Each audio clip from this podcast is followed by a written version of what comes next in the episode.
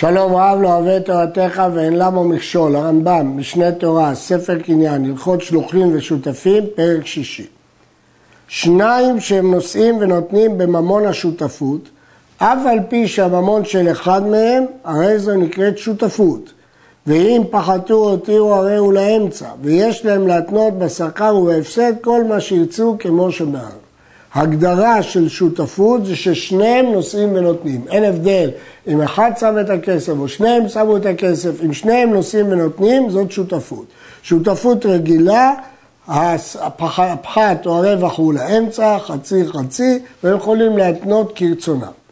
אבל אם היה אחד בלבד הוא שנושא ונותן מממון השיתוף, רק אחד עובד, אף על פי שהממון של שניהם, הרי זו השותפות נקראת עסק, או בלשון הגמרא עסקה.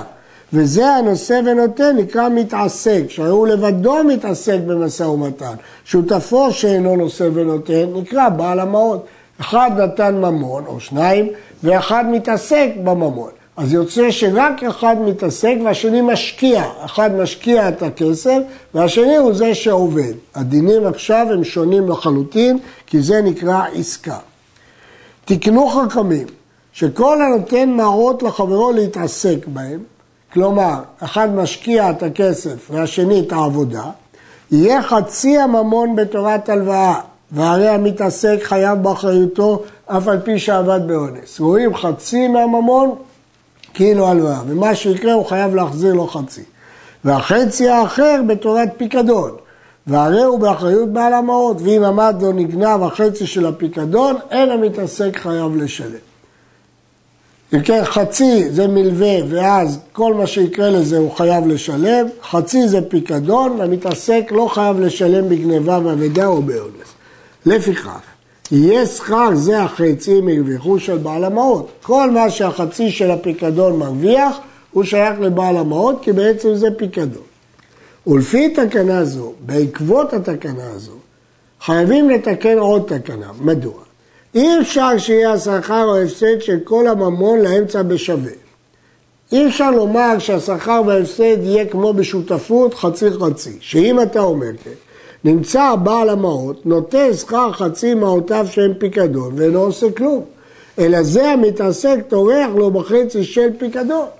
הרי הוא הפקיד חצי מהמעות, והם בטוחים, הוא יקבל אותם בכל מקרה, והמתעסק עוסק לו בפיקדון, והוא מקבל את שכרו. המפקיד מקבל את שכרו. אז מה יש? מה אכפת לי? מפני זה המתעסק טורח לו בחצי גדול מפני מעותיו שהלוואו ונמצאו באים לידי אבק ריבית. מה פתאום העובד מוכן לעבוד על החצי פיקדון ולתת לו את כל הרווח? מה פתאום הוא מוכן לעבוד בשבילו? התשובה היא, כי למתעסק אין כסף.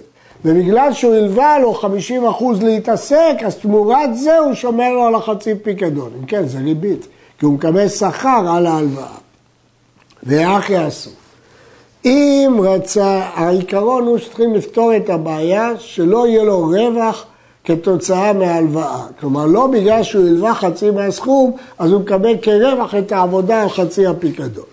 אם רצה להיות השכר או הפסד לאמצע בשווה, הם רוצים עדיין, כמו בשותפות, שאם זה ירוויח או יפסיד זה יהיה בשווה, ייתן למתעסק שכרו, ישלם לו משכורת על העבודה שלו בחלק של הפיקדון. שכרו בכל יום ויום מימי השותפות כפועל בטל של אותה מלאכה שבטל ממנה. צריך לשלם לו משכורת, אמנם לא משכורת מלאה, אלא משכורת של פועל בטל, כדי שיראה שזה לא ריבית. מדוע לא משכורת מלאה? כי סוף סוף נוח לו לעבוד בזה כעובד גם בשביל הכסף של עצמו. ואם היה לו עסק אחר כלשהו התעסק בו עם מעותיו של הזה, אינו צריך לעלות לו שכר כל יום ויום, אלא אפילו העלה לו דינר אחד בכל ימי השותפות דיור. הגמרא אומרת, דוגמה, אם הוא נתן לו בקר, וגם הוא יש לו בקר, אז בין כך הוא צריך להאכיל את שלו, אז הוא מאכיל גם את של השני, זה לא טרחה מרובה. אז מספיק דינר סמלי שיראה שהוא מקבל משכורת. ואם פחתו או הותירו, יהיה לה אמצע בשם. אז נסכם. כדי שזה לא יהיה ריבית, אם הם רוצים לחלוק בשווה את השכר והרווח, כדי שהעבודה של המתעסק בפיקדון לא תראה ריבית, צריך או לשלם על זה משכורת כפועל בטל, או לתת דינר אם יש לו עבודה מקבילה דומה. וכן אם אמרנו, אפשרות אחרת, כל הרווח יהיה לך שלישו או עשיריתו בשכרך. הואיל ויש לו עסק אחר, הרי זה מותר. ואם הפסידו, יפסיד מחצה. אז יצא שבהפסד יש לו מחצה, ונוסף לזה יש לו שליש מהרווח. ואם היה זה המתעסק אריסו והיה לו עסק אחר, אני לא צריך להעלות לו שכר כלל, שהאריס משועבד הוא לבעל השדה, אז בין כך הוא צריך לעבוד בשבילו. ועוד תקנו חכמים, שכל הנותן מעות לחברו להתעסק בהם, ופחתו או הותירו, ולא רצה ליתן לו שכר עמלו בכל יום, ולא ייתנו ביניהם שום תנאי. אז מה נעשה עכשיו? אי אפשר לעשות חצי חצי, כי אם נעשה חצי חצי זה ריבית. אז, אז התקנה היא שיהיה שכר מתעסק באותו החצי של פיקדון, שליש רווח הפיקדון.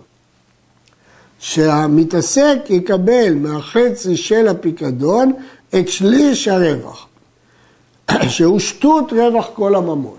הרי הפיקדון הוא חצי מהממון, השליש רווח הפיקדון הוא שישית מכל הרווח. לפיכך, אם הרוויחו, אם העסקה הרוויחה, איתו למתעסק שני שלישי הרווח.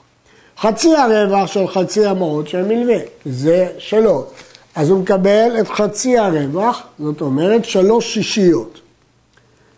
ושטות הרווח בשכר שמתעסק בפיקדון, עוד אה, שישית מהרווח בשכר שליש מהפיקדון, שזה שישית מהכל, אז יוצא שארבע שישיות, שלוש שישיות שזה חצי מהמלווה, ועוד שישית בגלל העבודה שלו בפיקדון. נמצא הכל, אם נסכם מה שהוא קיבל, שלוש שישיות ועוד שישית, זה ארבע שישיות. ארבע שישיות זה שני שליש. נמצא הכל שני שלישי הרווח. יוצא שהמתעסק מקבל שני שליש של הרווח, וייטול בעל המעות שליש הרווח. והיתרון הזה של המתעסק הוא בגלל שכר העבודה שלו, ואז זה לא ריבית.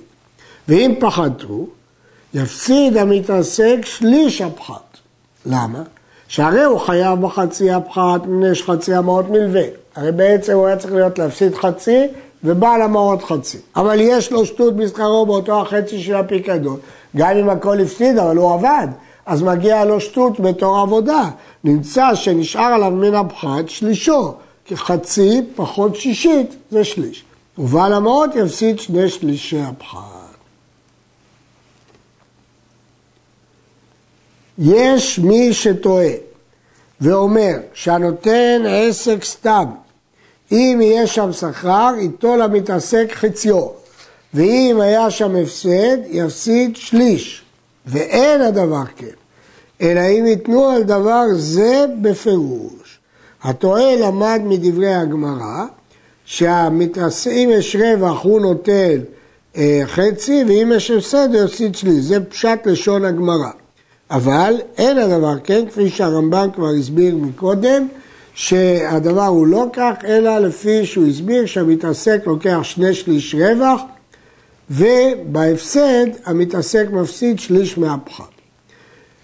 אלא אם ייתנו על דבר הזה בפירוש, וכן אם ייתנו שיפסיד המתעסק מרצה, ואם יהיה שם שכר איתו שני שלישי הרווח, הרי זה מותר, כי סוף סוף, בעקבות התנאי, המתעסק מרוויח יותר מבעל המעות, או מפסיד פחות מבעל המעות. וכן אם ייתנו שאם יהיה שם שכר איתו למתעסק תשיעיתו, ואם יש שם הפסד יפסיד עשיריתו, גם זה טוב. הואיל וייתנו שיהיה רווח המתעסק יתר על הפסדות, נאור קיים, ותוספת זו כנגד עמלו. העיקר לוודא שיהיה אה, תוספת למתעסק, כדי שזה לא יהיה ריבית. ורבותיי יראו, שאין תנאי זה מועיל, אלא אם כן היה למתעסק עסק אחר.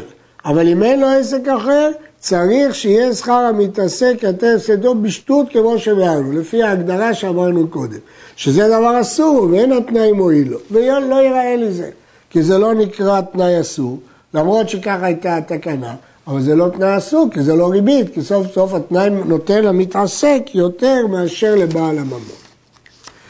הורו רבותיי, שאם ייתנו שייטול למתעסק שלושה חלקים מן השכר, ובעל המעות רביע השכר, נמצא רביע המעות בלבד בתורת פיקדון, ושלושה רבעים בתורת מלווה. כלומר, כאשר זה חצי חצי, אנחנו קובעים שחצי מלווה וחצי פיקדון, אבל כשהוא מרוויח שלושה חלקים, בא למרות רבע, אז גם בהתאם זה רבע הפיקדון, שהרבעים הלוואה, לפיכך אם היה שם הפסד, יפסיד המתעסק שלושת רבעי ההפסד, פחות שליש הרביע שזה בגלל העבודה שלו, ויפסיד בעל המעות רביע או שליש הרבע שהוא כל ההפסד, שליש כל ההפסד. כיצד? נתן לו מעט דינרים על תנאי זה, וחסרו ארבעה ועשרים. בעל המעות יפסיד רביע ושליש רביע, שהוא שליש כל ההפסד, נמצא מפסיד שמונה. והמתעסק משלם שישה עשר, ועל דרך זו לעולם כל חלק שיש לבעל המעות בשכר, אם יש שם רווח, נותן כמו שייתנו. ואם יש שם הפסד, יפסיד אותו החלק ותוספת שלישו. נמצאת הלמד לפי מידה זו, אם נלך לפי הדרך הזו, שיש לה היגיון, שאם ייתנו שאיתו למתעסק רביע השכר, אם פחתו לא ישלם המתעסק כלום, ככה יצא. למה? שהרי רביע ההפסד שהוא חייב, אמרנו שלפי הרווח אנחנו קובעים מה מלווה ומה פיקדון. אז אם המתעסק נוטל רק רבע, סימן שהמלווה הוא רבע. אז אם יש הפסד, אז הוא חייב רבע מפני המלווה, אבל יש לו כנגדו שליש שייטול מבעל המעות שהוא רביע, נמצא, זה כנגד זה, ואז הוא לא ישלם כלום. וכן, לפי העיקרון הזה, אם ייתנו על הפחת ולא הזכירו הרווח, אם פחתו, פוחת המתעסק כפי מה שייתנו, ואם הוסיפו, נוטל המתעסק כמו אותו החלק שהיה מפסיד, ותוספת שליש מה שנטל בעל המעות בשביל העבודה שלו. כיצד? ייתנו שאם יש שם הפסד, יפחות המתעסק רביע, והפחיתו, משלם רביע הפחת, ואם הותירו, נוטל מחצה. ואף על פי שדברים אלו שהורו דברי טעם הם, יש היגיון בדבר הזה, אבל יש פה בעיה.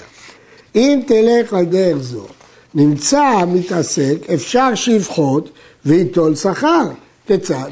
כגון שהתנה עמו שייטול המתעסק אחד משבעה בשכר.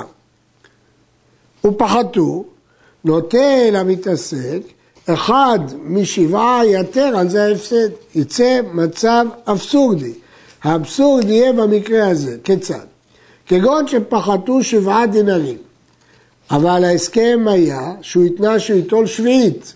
הרי המתעסק אומר לו, אני חייב לך דינר אחד כפי התנאי, ואתה חייב לשלם לי שניים תמורת עבודתי, של שניים חלק הפיקדון. נמצא בעל המעות, חייב ליתן לו דינר בשכר שהפסיד שבעה. ואילו הפסיד ארבע עשר, יהיה חייב בעל המעות לתת לו שני דינרים. וזה תמה גדול ודבר שאין הדעת סובלתו, ואין זה אצלי אלא כמו דברי החולים. אומר הרמב"ם שהדבר הזה הוא לא הגיוני, מכיוון שיצא פה אבסורד. אבל הדרך והדין האמת שיראה לי, שכל שירוויח המתעסק, אם יש שם הפסד, יפסיד שני שלישי החלק שהיה מרוויח. וכן אם ייתנו על ההפסד וירוויחו, ייטול כמו אותו החלק שהיה מפסיד, ותוספת שליש חלק חברו. נמצאת האומר לפי מידה זו. שאם ייתנו שייטול המתעסק רביע השכר והפסיד, הרי זה משלם שטות. ואם ייתנו שיפסיד רביע והרוויח, נותן מרצה. בדרך זו לא תמצא תמה ויצא הדין בקו הצדק. כלומר, למרות שהעיקרון שהציעו רבותיו, הם, אה, יש בהם היגיון, כי כתוב פלגה באגר תלי טילטה בהפסד, אבל כפי שראינו, זה יביא לידי מצב אבסורדי.